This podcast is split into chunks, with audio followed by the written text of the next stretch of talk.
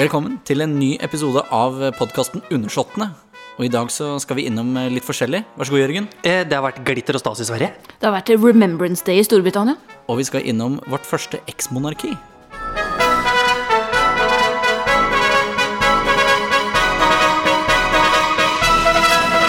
Først så skal vi innom eh, nyheter. Og du nevnte jo, Jørgen, glitter og stas i Sverige. Ja da, du, det er jo Det, det skjer jo ting hos Søta brød også. Vi hadde jo stortingsmiddagen for ikke sånn altfor lenge siden, der hvor det glimra med litt damefravær, kan du si. Eh, og bare prinsesse Astrid jeg bare nevner det, stilte opp og liksom var første dame og tjoei. Men i Sverige derimot, når riksdagen eh, samles til hop på Vita salong ikke sant, og Vita hav, så er det altså full, full ståhei, altså.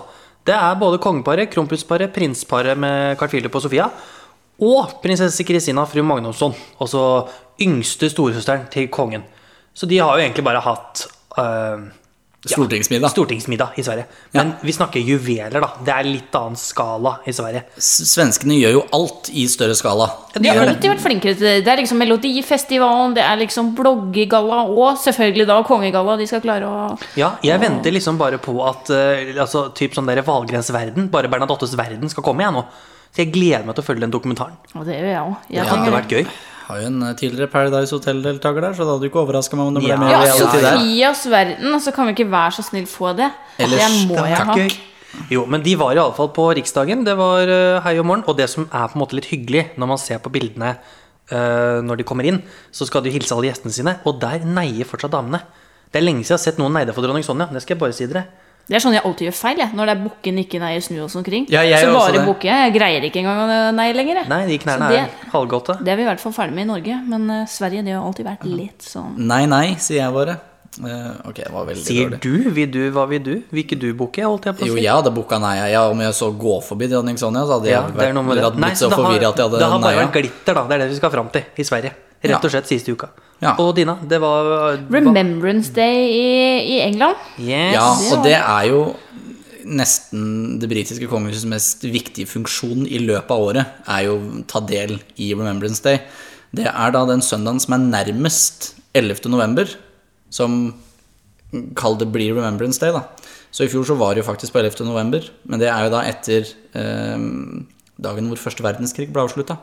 Ja, for det jo 11. for å Hedre noe for krigsgreier, er det Ja, ikke det er for å hedre alle krigsofre fra de forskjellige krigene, men det har jo da holdt på siden 11. november klokken 11.11.1917, da første verdenskrig ble avslutta.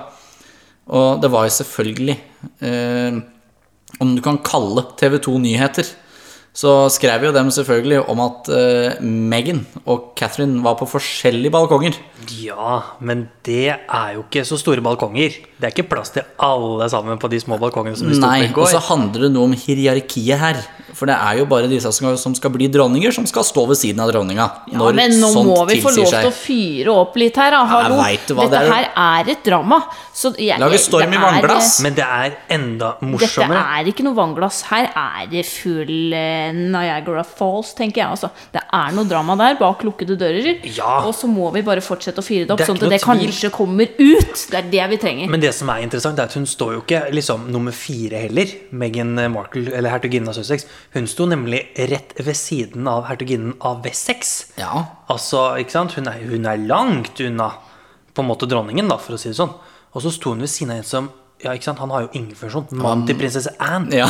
altså, Da snakker jeg jo drømmebalkongen. Og så der har du liksom Elisabeth Camilla og eh, eh, Catherine, Ja. som hun heter. Ikke ja. sant? Det er ikke Kate når du har blitt kongelig. Det er det jeg prøvde å skjerpe meg. Jeg så på det blikket jeg fikk. Jeg bare, jeg kan ikke si Kate nå. Nei, På balkong riktig. to, det er virkelig A- og B-lag, altså. Fordi balkong to, der er liksom da eh, Sophie Wright Jones, Meghan Markle og sir Timothy Lawrence. Ja. Det høres ut som en dårlig engelsk kjærlighetsfilm. ja, men så er jo ikke Meghan Markle kongelig heller, da. Nei, det er sant, da. Det er helt riktig, så um, hun får bare finne sin plass, tenker jeg da. Ja. Jeg håper egentlig at vi får se en norsk konge igjen, jeg. På Remembrance Day. For det er Olav var jo der flere ganger. Ja, Det savner jeg. det er. Liten oppfordring til kongehuset der også. Ja, men så var vel kong Olav litt mer britisk enn det han ville innrømme òg. Ja ja, men en liten oppfordring. Ja. Harald tar steget over Nordsjøen, og så Det er litt mer enn et steg, men vi tar Han kan ro. Det kan han. Han er jo seiler.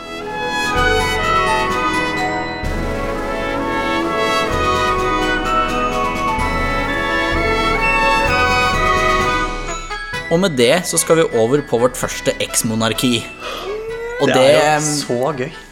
det sier jo sitt at vi har hatt uh, ti episoder. Vi er all, allerede ferdig med de eksisterende monarkiene, nesten. Kall det i hvert fall de som har Europa. nærmest tilknytning da, Ja, til kong vi, har, Harald. vi har tatt de store. Vi Ja. har liksom droppa et par små, men det er ikke noe interessant. Nei, det er helt riktig. Det eneste Eller de jo, Monaco er ganske Ja, interessant. jeg sitter og Ja. egentlig venter på Monaco. det eneste de har, er lausunger og bilulykker.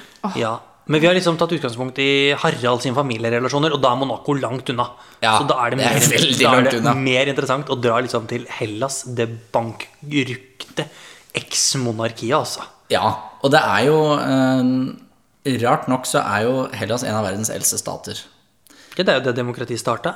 Helt riktig. Og det starter så å si likt som Eller faktisk, det er én stat som er eldre, og det er Egypt. Jeg tror det er den eneste statsdannelsen som Det er også et eksmonarki. Bare Ja, nevner helt riktig.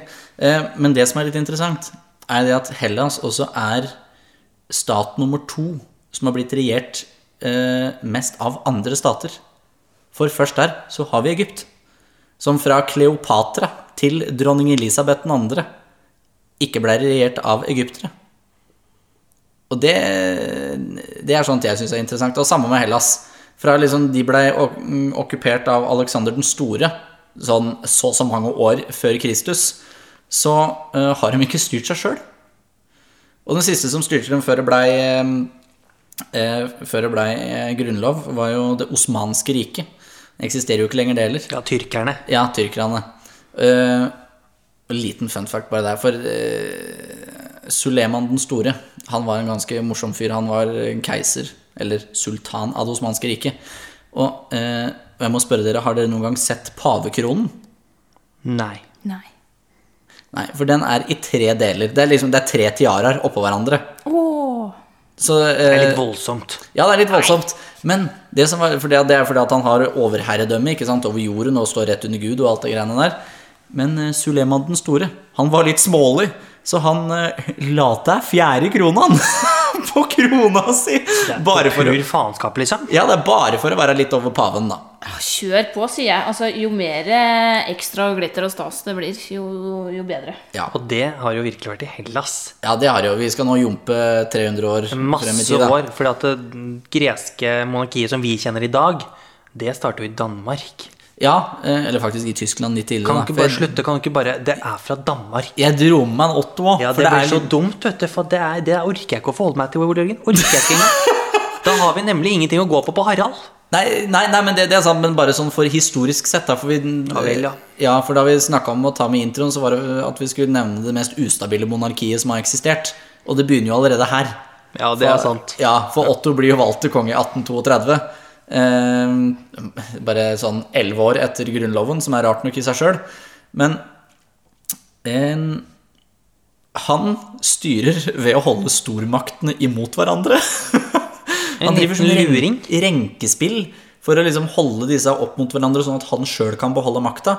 Ja, Stormaktene er jo de andre europeiske landene. Ja, altså det er en Frankrike, Storbritannia Storbritannia, Ja. Russland. Det er liksom de viktigste. Eh, men så begynner denne Krimkrigen. Den holder på da fra 1853 til 1856. Hvor Frankrike og Storbritannia støtter det osmanske riket mot Russland. Eh, fordi at de vil jo ikke at Russland skal bli større. Eh, og da vil jo gjerne denne grekeren, eller tyskeren, okkupere eller gjenerobre de områdene i Tyrkia som tilhørte Hellas. Men det stopper jo Storbritannia. Og av en eller annen grunn så går de utover en Otto. Otto den første, så han blir veldig, veldig upopulær. Så han kaster dem jo ved militær... eh, Det fortjente han. ja, Ja. så å si. Militæropprøret i 1862. Og da kom vi jo dit hvor det hele begynte. Til Danmark. Til Danmark. Yeah, hvor det er godt. 17 yeah, år gamle er det er kartoffel, og det er silibøtte, og det er det hele, og det er det andre. Ja, så var det de taler dansk på det greske slottet i mange, mange år.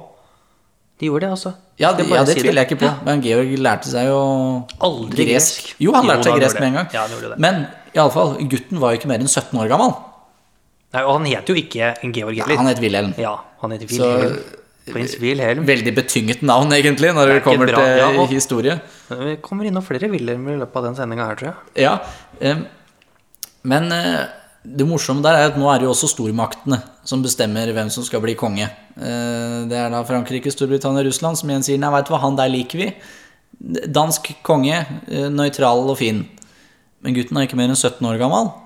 Og veit dere hvordan han fikk vite at han ble valgt til konge?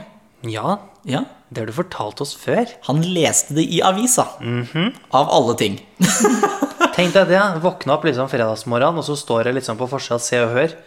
Dina Heier, ny dronning i Norge. Ja. Så deilig. Ja du, ja, du tenker det. Det tror jeg ikke han Wilhelm tenkte, skjønner du. Nei, eller ikke til kongen. Nei, du har valgt dronning av Kreta. Du må flytte nå. Ja, Ja. det hadde passa meg egentlig Ja, egentlig, det passa egentlig enda bedre. midt dronning av Island, da kan vi få noe som du ikke er så glad i her, Ja, liksom. dronning av Svasiland. Ja. Det er jo faktisk et kongerike. Og det er Nei, det men jeg kjenner at så lenge jeg får eh, være på en eller annen trone, bestemme litt, gå i litt glitter og stas, så er jeg fornøyd. Og det om det blir smekka opp på en eller annen eh, nettavis, eller hva det er for noe, jo, Så går det greit. jo bedre er det egentlig. Ja, fordi han Georg første, eh, altså første kongen, da, han bestemte jo litt. Han hadde jo Ja, litt makt. det var faktisk det var ikke et så konstitusjonelt monarki som ellers i Europa. Nei. For kongene her hadde jo faktisk makt og kunne Det er flere av dem, til og med Konstantin den andre. Den siste, han prøvde jo å begå statskupp. Ja, men Det gikk jo ikke så bra. Nei, og han, ja, der var det jo, han gikk jo statskupp mot noen som hadde gjort statskupp på han. Det var jo et bakholdsangrep. fra Han Han hadde jo Nei, han- han- takket ja han- til juntaen og sagt at dere får lov til å ta over landet mitt, og så planla han et statskupp i bakgrunn. Ja. Så han tok jo over staten, for staten hadde blitt tatt over av han. Ikke sant? Det var bare Texas. Ja, men ikke Ja, det er helt Eller Hellas. Det Det er liksom, helt, helt gresk for meg. ja, det er helt gresk for meg. Og, men eh, denne kongen regjerer jo da i 50 år. Georg den første. Ja, Han er den lengstregjerende greske monarken. Og han er jo familie med den norske kongefamilien. Det er jo derfor, vi er jo ganske Ja. tett på Hellas. Vi har sagt det før, Ja. vi er helt tett på Hellas. For det er jo onkelen til Håkon den syvende. Ja, Georg den første. ja, det er det. Det er det. Nå måtte jeg bare du gå gjennom, du vil, gå gjennom familietreet. Ja, ja, ja. men det, det er helt riktig. Men han blir jo drept av en full anarkist, av alle ting. Som egentlig ikke planla å ta livet av han. Var ikke det også rett før det var 50-årsjubileum? De var i opptrappingen til 50-års gulljubileet Ja. for monarken, og så ble han fader meg skutt. Ja. Og det, det er Det er veldig rart at liksom, disse sønnene til Christian, eh, Christian eh, Både sønner og svigersønner til eh, Christian 9. regjerer jo ikke så veldig lenge. Nei, ikke vet du. Det er ikke, det er liksom, det er ikke ti år engang på noen av dem. Eller altså, de regjerer jo altså da ikke så veldig langt inn i det 19. århundre, da, er det jeg mener. Både mm, ja, Fredrik den 8., det var jo i 1912, og så dør Når er det Edvard den 7. dør? da? 1910. Og så er han her i 1913. Altså, Han går ganske raskt, radig. Ja, og tsaren dør i 1918. Nei, 1917. Jo, Ja, han blir skutt, vet du. Ja, veldig greit. Men det er ja, altså- når Alexander, men nå tenkte jeg på svigersønn Alexander den tredje.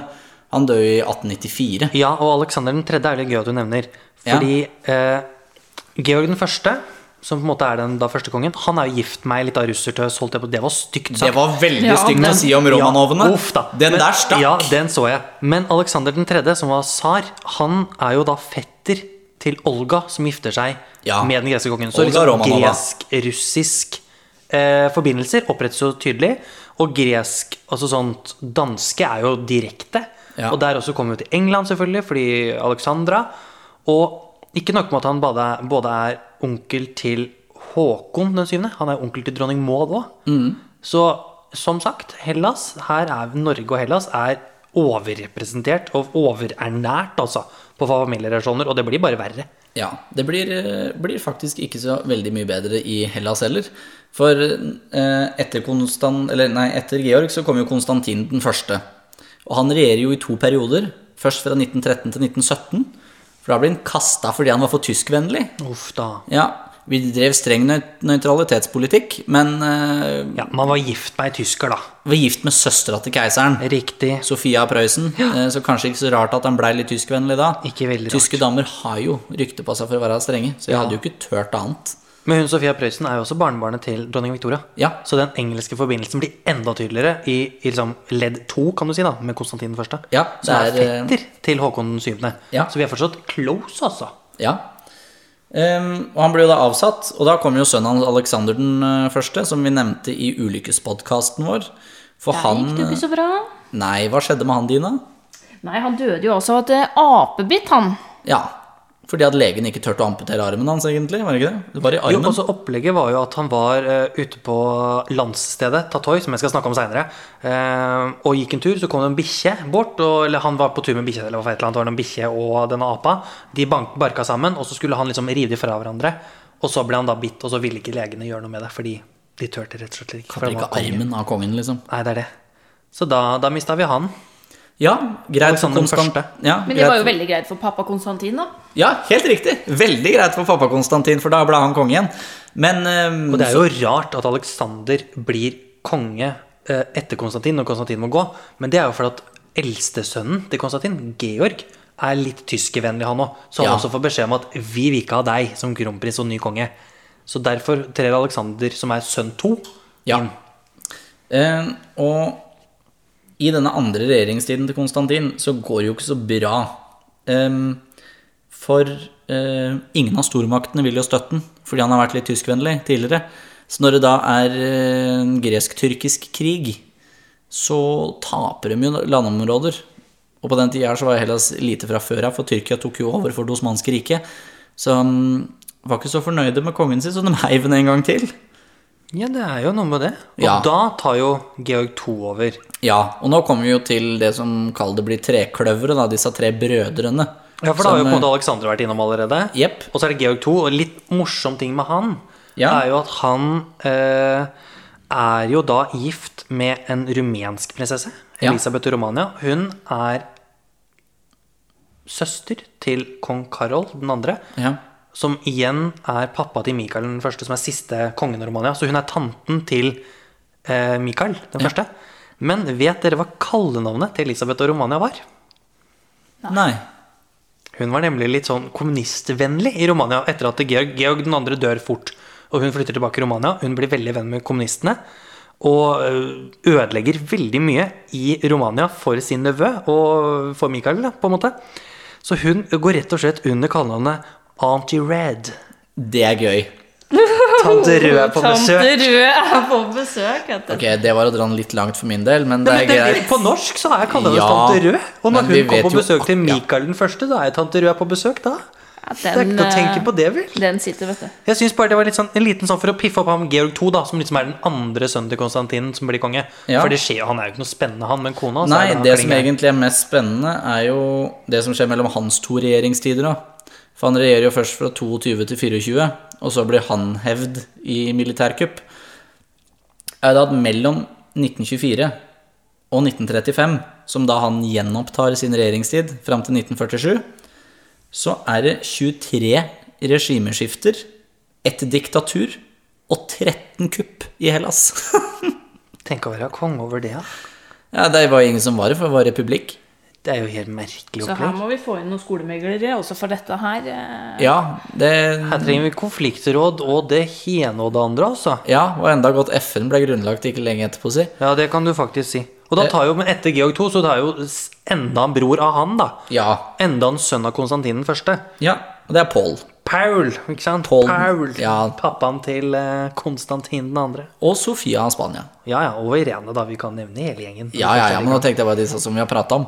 Så er det jo greit at disse lytterne våre får disse røde trådene å koble seg til. Eller blå, blå trådene, bør vi egentlig kalle det. For Paul den, altså Paul, da. Mm, Paul den første. Ja. Som på en måte er da er den femte eller sjette, sjette monarken. Han også gifter jo seg med ei tysker. Ja. Og han gifter seg rett og slett eh, med sin eh, kusines datter. Om ikke annet. Ja. Er ikke Den det- mest er ikke det kongelige kongen av Hellas, med andre ord. Ja, på en måte. For det er jo sånn kongen har drevet Jeg mener Oskar den andre av Sverige og Norge gjorde det samme. Han gjorde litt det samme, ja. Nei, så han gifta seg rett og slett med sin kusines datter. Det er jo Den er drøy, altså. Ja, det er Så alders... sine, han gifta seg med sine barns stremning. Ja, det, nå gjorde du det verre. Ja, nå gjorde du det. Nå Ja, det, er litt, det, er litt, det er litt gøy at mora er tremenning med sine egne barn. Ja. Det blir jo litt sånn. Men det har noe med for aldersforskjellen å gjøre. Eh, i, mellom Wilhelm den andre og Sofia, som har tidlig gifta seg inn. For dette her er i samme slekt. Ja. Fredrika er i familie med Sofia, som er en, den første eller andre tyske dronningen. Tyske, greske dronningen. Ehm, og da har jo aldersforskjellen blitt så stor at Fredrika og Pål er jo ikke så stor langt fra hverandre, da. Det, så det er jo litt naturlig egentlig at han gifter seg med kusina til Eller dattera til kusina, da. Naturlig er det ikke, men uh, aldersmessig så er det innafor. Ja, ja, det får jo være greit nok. Hvis man skal, liksom skal ha ett argument for at det går greit, så er Ja, det alder her. er så er det det minste. det, ja. Ja. Og med det så har vi vel egentlig kommet til uh, nåværende ekskong. ja, men vi har, og du har litt mer å prate vi har om? mange Vi må innom litt flere før vi kommer fram til dagens. Altså det Ja, vær så god. si. Fordi dette her er et kongedømme som har gjort det godt. Eller de har eh, mekka seg rundt i Europa, altså. Eh, Ja, på- dem- jeg kalte dem jo for det nye Europas tyskere, egentlig. Ja, på godt og vondt, på en Ja, måte. selvfølgelig. Ja, er Flinke til å gifte seg. Eh, men hun, Fredrika, som på en måte er da mammaen til Konstantin 2., hun går ikke stille i gangene. Akkurat som sin datter Sofia, som vi har diskutert i Spania. Ja, nå ser jeg hvor hun har fått det fra, for å si sånn, etter å ha lest de siste ukene.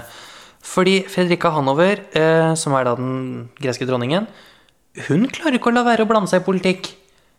Ikke i det hele tatt.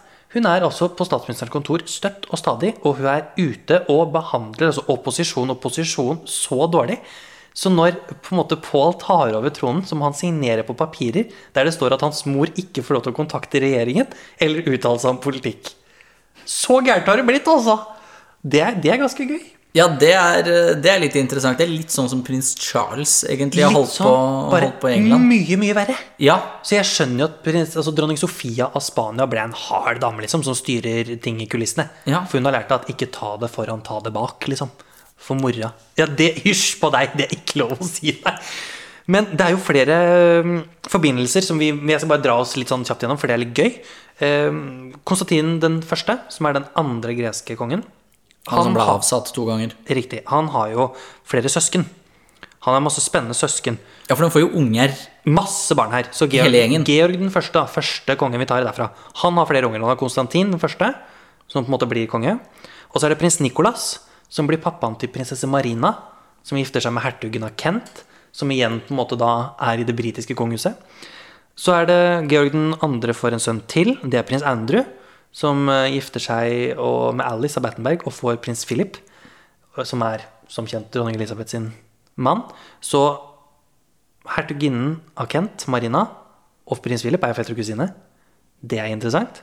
Og så har du i tillegg en sistebror eh, fra Konstantin, Nicholas og Andrew. Det er Kristoff, prins Kristoff. Og han er pappaen til prins Mikael av eh, Hellas og Tyskland Nei, Hellas og Danmark. Og prins Mikael, han er jo en Hvis du er en go to-kongelig, hvis du skal vite noe om hva som skjer i Europa, så er det han, for han er forfatter. Og har skrevet masse bind. Altså Tor Bomman Larsen har skrevet mye bra, og mye, men Mikael har skrevet om alle. Og han sitter på så mye informasjon at og han lever. Så han bør han vi få tak i. Han er født i 39. Han er yngst av disse her. Oh, ja. Så han har født ganske lenge etter prins Philip i tillegg. Så han er jo også barnebarn av den første greske kongen og lever enda. Det er helt utrolig. Han er ett år nei, eldre enn Konstantin den andre. Han er like gammel som kong Harald, rett og slett. Ja, Eller nei, han er litt år, år- år yngre. Ja, et par der. to år yngre. Så det er jo ganske interessant. Og prins Mikael som da, og prins Philip for så vidt, og Marina, alle de er jo tremenninger av kong Olav. Så Ja. det, er ganske, det er jo ganske tett på, ikke sant? Det er noe med det. Og så har du Alexander den første, han med apebittet. Han gifter seg jo faktisk. Han rekker jo det før han dør. Ja, Så vidt det er, da. Men de liker, jo- liker jo ikke hun. Ingen, nei, hun er en sånn Wally Simpson-type. De måtte jo dra i landflyktighet mens uh, statsministeren bestemte seg for om dette var greit eller ikke. Men de fikk en datter ut av dette, da. Det det klarte de å trykke ut. Hun ble jo født av året etter han døde. Ja, si, altså, hun rakk aldri å møte pappaen sin, kan du si. Ja. Og det er jo hun som senere blir dronning Alexandra av Jugoslavia, som igjen da blir mor til kronprins Alexander av Serbia. ja, Så han som på en måte er regjerende monark i Serbia i dag. ja. på en måte. Ja. Og da er vi jo plutselig liksom knytta godt til Serbia, da, vi nordmenn. Sånn gjennom dette her, da, helt tilfeldig, ikke sant? Det er ikke så rart, det. Og så er det jo nevnt da eh, Romania, eh, Tyskland, og vi skal til Romania en gang til. Eh, fordi Konstantin den første, han hadde jo ikke sant, disse tre kongebarna, som vi har nevnt. Alexander, Georg og Pål. Men han hadde en datter også, Helen. Og hun er jo mammaen til Mikael, den første av Romania. Så her Så svigerinnene til tante Rød. Ikke sant? Så her er det noe som henger tett. da for der Det er ikke greit å jo, kalle det det. er veldig greit. Det her er det altså to søsken som har gifta seg med et søskenpar i Romania. Gresk, to gresk kongelige søskenpar gifta seg med greske Nei, rumenske. Så det er, herregud, det er så tett forbinda, dette kongehuset her, til alle de andre. Det er så mye folk at det er jo til å bli svimmel av. Veldig vanskelig å, å følge med på. Men vi kan prøve å få laga en oversikt og lagt ut. Det hadde vært gøy å Ja. et eh, fått til et sånt kjempestort familietre over hele slekta. Så kort oppsummert, da, når vi skal nå inn på de moderne, så skal jeg bare ha Jeg har skrevet 'notes to myself' når vi tar kong Konstantin som utgangspunkt. Ja. For det er jo han som er interessant nå, ikke sant? Han og prins Charles de er tremenninger. Konstantin og hertugen av Kent, som er i hertugen av Kent nå, de er tremenninger. Kong Konstantin og kong Michael av Romania, de er fettere. Eh, kong Konstantin den andre og prins Amadeo, som er den italienske en av de italienske Tronpretendenten. ja, som ønsker å være konge i Italia, Ja. de er fetere. Kong Konstantin og dronning Alexandra av Jugoslavia de var fetere og kusine. Kong Konstantin og dronning Margrethe de er svigersøsken. Han Ja. er jo nemlig gift med dansk ei, ikke sant? Også Konstantin 2. og dronning Sofia de er søsken. Så snakk om å sitte midt i smørøyet, altså. Ja, det er jo eh, Og kronprins så har det enda bedre. Ja, på grunn av sin mor. Ja. virkelig greid å ligge seg til toppjobben. Altså det, er, eh, det må jeg bare få sagt. At her er noen som har greid seg bra. Her har du tante Rød og å ligge seg til toppjobber. Dette blir jo en skikkelig god podkast, kjenner jeg. Jo, men Dina, det er jo Det er som du sier, de er i toppen også. Ja, her har de virkelig greid å og, og det fortsetter jo egentlig bare sånn eh, i dag også. At de har virkelig greid å, å karre seg til topps. Ja. Konstantin og dronning Anne Marie de er jo i Hellas en del år og får en drøss med unger. Ja, for han er jo mm, fakta konge i ni år før det er militærkupp i Ja da, så han fungerer jo. Ja, og han er jo fortsatt Han blir jo kalt for ekskong Konstantin. Ja. Eh, dessverre så er jo mm, Det blir jo ikke Pavlos blir jo ikke konge. Han blir jo tronpretendent til den greske trone. Den Jeg kommer til å kalle han kong Pavlos. jeg òg kommer til å kalle han for kong Pavlos, fordi at det er det han er. Ja. Den dag. Konstantin går bort. Men og- Dina, har du noe morsomt, da? Vi har jo litt det. Vi har jo, altså De er jo fem barn da, av Konstantin og, og hun godeste Anne Marie. Eh, så da er jo eldste Eldstemann er jo Alexia, da. Ble jo født på Korfu, og i dag så bor hun faktisk på Lanzarote. Sånn skikkelig charterdronning der, med andre ord. Snakker så om, mulig at vi kanskje kan ta oss en liten studietur til Lanzarote. Og Ja, hvorfor snakke med Alexia? snakke med Alexia og kanskje legge oss til å ta opp eh, en av dere. Kan du prøve på det? Hun har sikkert noen gift? sønner eller eh, døtre eller hva enn Det vi var enda vil. godt du la til døtre der, for min del i alle fall. Det. Men hun, har jo, hun er jo gift og har en drøss med unger på Lanzarote, har hun ikke det? Jo da, men da henter jo vi noen eh, kids på Lanzarote. Vi skal hente kids på Lanzarote. Ja, det er greit. Det er greit. Men så har vi jo da Pavlos, da, som dere nettopp sa. Kronprinsen. Kong, eh, Kong Pavlos, eh, forhåpentligvis, etter hvert. Han har jo også litt, eh, litt barn som har eh, greid å karre seg opp og fram. Ja, vi har jo allerede fem unger. Vi har allerede fått spørsmål om hun Marie Olympia, er det ikke det heter? Marie Jo. Olympia? Jo. Maria Olympia. Hun er jo, altså, hun er jo kjendis. Ja, hun har jo Hun, er blitt jo det. hun vil jeg nesten ikke kalle for kongelig. Nei, hun er mer Hun kjendis. Hun er, kjendis. Hun er litt sånn som ene sønnen til prins Joakim av Danmark. Han er, som, er, han som har blitt eh, modell og greier. det er modelloppdrag og, og henger med altså, modeller, skuespillere og, Hun festa jo mye i New York og London, for å si det sånn. Og det var jo også faktisk et rykte eh, for en tid tilbake at eh, hun var litt på dealeren med prins Harry. Ja. Altså før Megan Meghan eh, Ja, ja, kom på ja. vann. Jeg skal ikke si det- så mye, men det hadde vært mer passende. Eh, Det hadde vært mye hyggeligere. Tenk deg det, for hun, kommer jo, hun skal jo ikke bli dronning fordi hun er eldstedatteren til kronprins Pavlos, men hun skal ikke bli dronning for det, for de driver ikke med sånt i Hellas. Nei, men det er jo en aldersforskjell der, da. Det er, er ikke ti år Ja, har mellom si, da? prins noe og nytt. På den tida der så var det vel, Olympia hadde det vel litt å si. i 96. er født i 96, så hun i 86, og han i 86, er han ikke det? Ja, det er bare hyggelig i de kongelige kretser. Det er Det er helt innafor. Ja da. Men på den tida det var rykter om det, så var det Da var hun litt ung. ja det, det var det jeg tenkte på, var det jeg hinta til. Men altså, det britiske kongehuset kom, gikk jo ut og, og avkrefta disse ryktene, visstnok, da. At det, det, det var ingenting på dealeren der. Men eh, Veldig synd. hvem veit? Altså, Ja, det må jo snart få gifta seg med noen en, kongelige, eller så vandrer de ut etter blodet sitt for mye. i en VIP-lounge i New York så har det sikkert skjedd litt av hvert. Det Men det kan vi jo bare det. Ja, spekulere med i. partyprinsen, ja. Det Ja, og prinsessa liksom, de der, Men de fem barna til kronprins Pavlos og kronprinsesse Marie Chantal er jo Det er jo som jeg sa i en episode mye tidligere, at hvis det er noen jeg skal sette knapp på, som blir liksom neste generasjons skandalebarn, så er det de greske barna, altså. Ja. Det er noen glattkledde, kjekke og pene øh, folk som kommer til å rave fra seg. Ja, for du nevner jo Marie Chantal, som da er gift med, med Pavlos. Du hører bare der Marie Chantal. Altså, det er dyrt. Jeg trodde hun var Det er fransk lenge. det er et dyrt navn, og hun kommer fra altså, en slekt der det er mye mye, Mye penger. mye penger, det kan du si. Milliarder. Det er jo, hun er jo faktisk eh, i slekt, eller litt sånn slektskap til eh, von Fürstenberg. Altså Diane von Fürstenberg, for de som kan litt mote og sånn. Hertugen av Svabia, for dem som interesserer seg for sånt. Ja. Eller det. Eventuelt.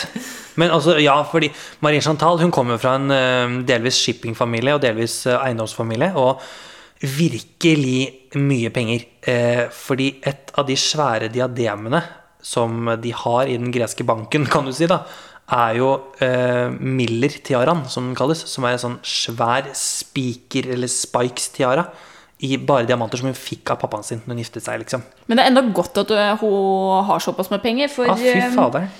For eh, noen år tilbake så fikk hun nemlig litt påpakke. Da fikk hun 7500 pund i bot fordi hun hadde sagt opp eh, en filippinsk hushjelp på ulovlig vis. Par og Og- 80 000 i bot, da. Ja, Ja, Men det er bare deilig. For å si opp en hushjelp på ulovlig vis. Da er jeg litt sånn eh, Det er strengt. Ja. Det er Og det var da sikkert noen utbetalinger på bakrommet for at det ikke skulle gå i rettens vei enda litt til. Helt sikkert. Og Marie Chantal, det hun på en måte driver med, da, det hun tjener faktisk pengene sine på, det er jo luksus-designerklær for babyer. Det er det hun driver med. Det er så deilig. Det er jobben. Ja. Det er jo ikke Men også, det er jo også de, de greske kongelige Jeg skjønner ikke helt hvor de får pengene sine fra. Fordi Nei, for det, det er jo litt diskuterbart. Vær så Ja, god. fordi det er jo Ok, konstant, altså, Georg den første, når han kommer til Danmark på en måte, Han har med seg penger fra Danmark, det er greit. Får noen penger fra det andre landet, det er greit. Gifter seg med noen rike damer her og der, det gjør de gjennom noen tyskere og noen russere og sånt. ikke sant? Med Ja for, penger. ja, for det skal jo sies at hun Olga hun er barnebarn av den tidligere russiske tsaren, så her er jo Ja, hun var, keiser, hun var jo kusina til en keiser også. Eller den tsar, Ikke sant? Ja, ja, og det, her snakker vi penger. I hvert Ja, fall ja. fra russerne, da. Så de har jo på en måte historisk hatt penger, men det har jo gått inn og ut ikke sant, med monarkiet, så de penga må jo ha vært i Hellas en periode. Og så tenker jeg litt sånn Tatoy, som jeg nevnte, som på en måte er slottet, på en måte, eller landstedet i Hellas, er jo noe Georg den første, første kongen, kjøper med private danske penger. Eh, og dette Tatoy-stedet er jo der alle de greske kongelige ligger begravet. Det har vært masse brylluper, liksom, her har det skjedd ting gjennom alle år. Men når Konstantin 2. og Anne Marie må flykte eller blir kasta ut og drar i eksil, så tar jo den greske staten hele eiendommen Tatoy, som er en enorm eiendom, helt sinnssykt stor eiendom i Hellas. De tar den. Og det er jo ikke før i 94 på en måte at Konstantin får noe igjen for det, fordi han tar jo dette til EU-domstolen og sier at unnskyld meg, men det her er en privat eiendom. Det er ikke statlig, det er ikke, det er ikke monarkiet, det er meg som person som eier det. Og da får han De inngår et forlik, og da får Konstantin 12 millioner euro. Men kjære dere, 12 millioner euro er omtrent 1% av hva Tatoya er verdt. Det sier litt om stedet, da. Det Ja. sier litt om verdiene som har vært i det greske monarkiet. Tenk deg det, de får 12 millioner euro, røftlig regna 100 mill., da. Og det er 1% av hva det egentlig er verdt. Altså, fy faen, tenk deg alle de penga som han greske kongen har gått glipp av på Ja. grunn av det her. Jeg googla det, det er 10 000 mål. Det er helt sinnssykt svært. Det er helt sinnssykt. Også i tillegg så mm, gjorde jo den greske regjeringen noe de tenkte var smart. da. Fordi de sa jo ok, ja ja, vi får betale han da, men da tar vi fra eh, fattige barn og kulturbidrag til samfunnet. Sånn at liksom, de skulle fremstille Konstantin som en dum og teit og stygg konge. Det han gjør da, er å opprette et fond med alle disse pengene som går nettopp til barn og humanitære bidrag i Hellas. Og da tenker jeg, Konstantin og Anne Marie, hvor er pengene deres fra? Når du kan sette 100 mill. på et fond. Du trenger det ikke engang når du har solgt eiendommen din. Hvor, hvor får de penger fra? De bor i London, bodde i London alle år. De har flere feriesteder rundt omkring. Where the fuck is the money coming from? Det er gamle penger. Det er det. Ga gamle penger i investeringer. Jo, men alle gamle penger i andre monarkier blir jo igjen. Hvordan har de fått med seg pengene sine? Jeg, jeg, dette her, jeg, jeg, Jeg har hatt litt madrassen og puta i veggene når de har eh, flykta Ja, for det er jo liksom Det sånn høres jo egentlig ut som de har gjort litt sånn som uh, tsarbarna gjorde under revolusjonen. Bare sydd dem juvelene inn i klærne sine, og så labba. Det er jo som Georg 2., han en av de tre kongssønnene sa. Beste redskapet for en gresk konge, det er en koffert. ja, det er helt riktig. Det kan hende de har tenkt på dette, da. Ja, ja, ja. Hvem veit? Jeg veit ikke. Eller så kanskje det er eh, deres datter. Vi kan jo spekulere eh, hvor mye hun har dratt inn. Eh, Ja, ja. Theodora ja. til, Ja, datteren til- eh, til Konstantin. eh, Jeg tror ikke hun hadde dratt inn de store grunkene, for å si Nei, det sånn. og det er det som også er litt eh, artig, da. Fordi at eh, hun eh, jo, heter jo forresten ikke Theodora bare, hun kaller seg for Theodora Grease. Det er hennes stage name. Fordi hun Ja. er nemlig blitt skuespiller òg, skjønner du. Jeg skal kalle meg for det hvis jeg noen gang blir skuespiller. Ole Jørgen Norge. Men, Hara, men åssen skuespiller er hun egentlig har blitt, Nina? Nei, altså, det, vi, vi gikk jo til den Ikke porno, altså! Ikke ditterskuespill! Nei, nei, nei, nei, nei, nei bare Nei, sånn nei, full disclosure. Vi gikk Ikke til noe som var det, enda det er verre. vi eh, gikk til noe enda verre. Enda mer lavmål.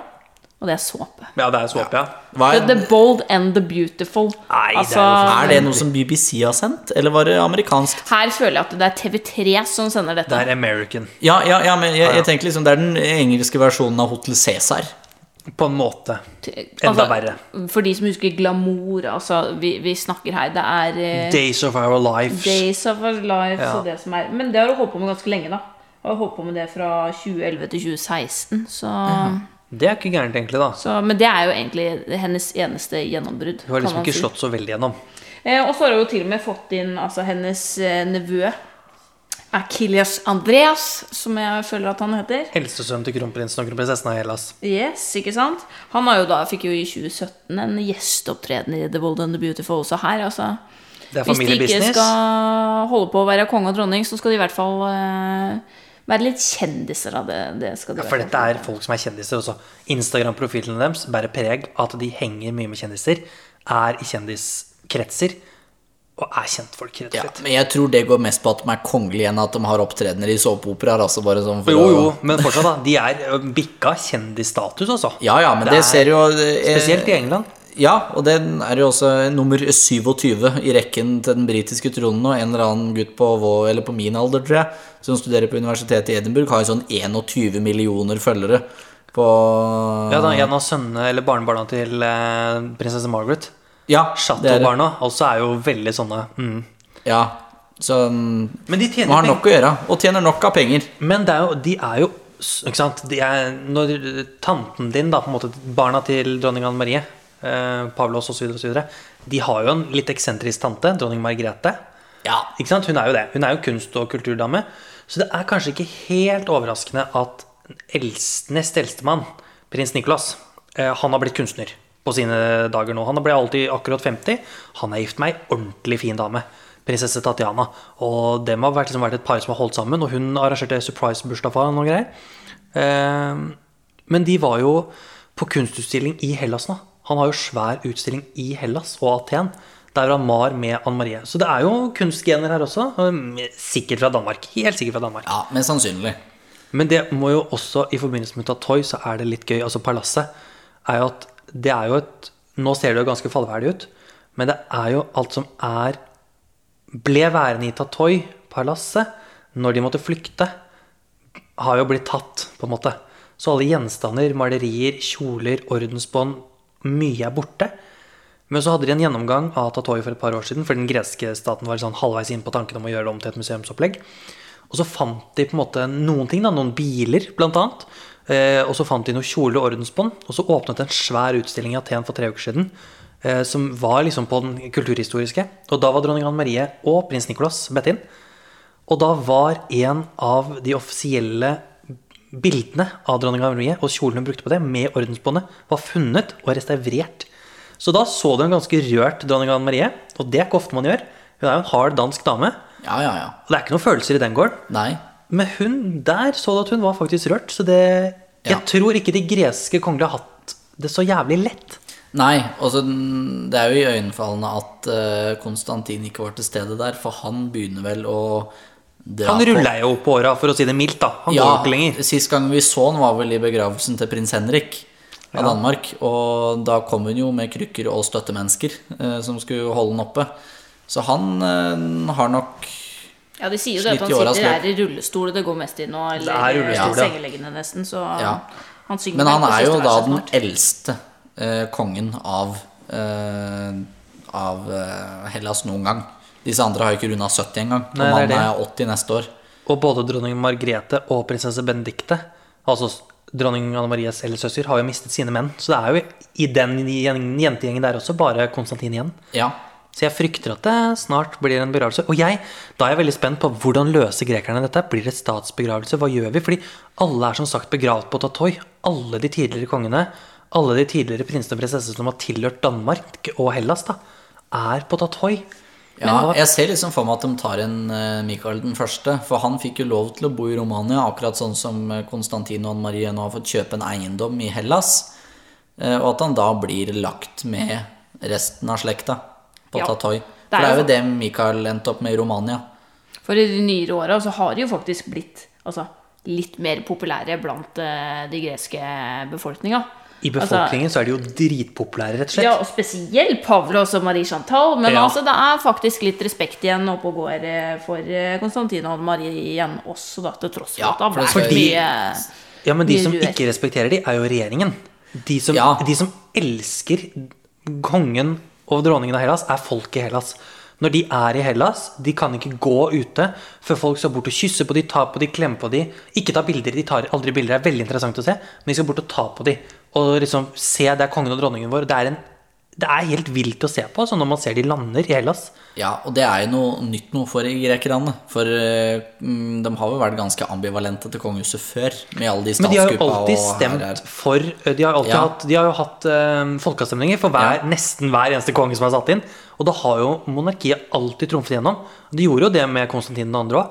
Men der skjedde jo noe pga. juntaen, og han tok noen feilvurderinger. ikke sant? Ja, for han begikk jo statskupp mot en stat han selv hadde innsatt. Ja, Så det var en del feilberegninger som Ja. Han prøvde å være lur, men så traff han tilbake. For å si det sånn, du er lur når det funker.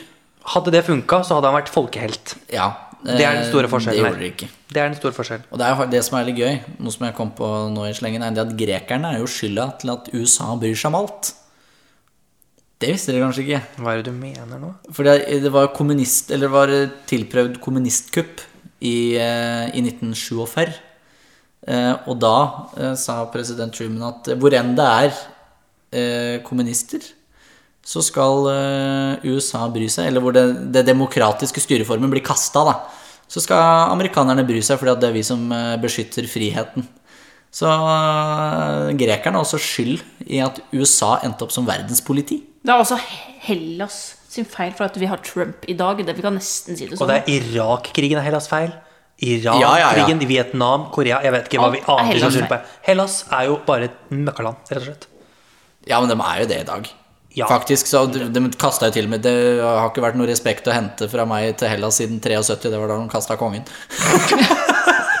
Men er det, er det noe mer, er det liksom noe mer, har du noe mer sladder av dine? Er det liksom noen mer artigheter som er ute og rusler her? Har de dritsøte noen gang? Har de gjort noe gøy? Ja, altså de, de driter seg jo alltid litt ut. Altså, Marie Olympia altså, hun er jo, som jeg sa, hun er kjendis. Og det bestevenninne med Mette-Marit. Det må vi også si, da. Ja. Nei, hun eh, er jo på Instagram, som mange av de andre har begynt å holde på med også. Og da var hun vel, ja Si hun hadde en dårlig dag. Kanskje tante Rød var på besøk. Ja, jeg vet ikke. det. I 2018 så la hun nemlig ut det bildet der hun viser fuck you-fingeren. da En sånn lite gjennomtenkt trekk. Kronprinsessen av Hellas? Marie Olympia. Å ja, unnskyld! Datteren Datteren, til ja. Å oh, ja, hun gjorde det, ja. Ja, og det blei jo da altså så mye furore rundt det. Altså. Det var jo så lite kongelig og, og så lite oppesen så du kan tenke deg, vet du.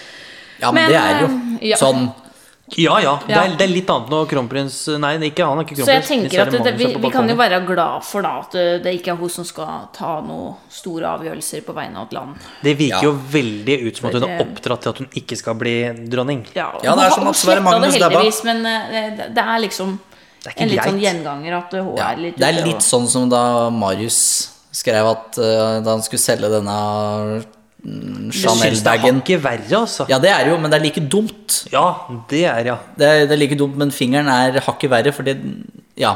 Altså, det er Insinuerer jo noe som ikke er greit. Fryktelig òg.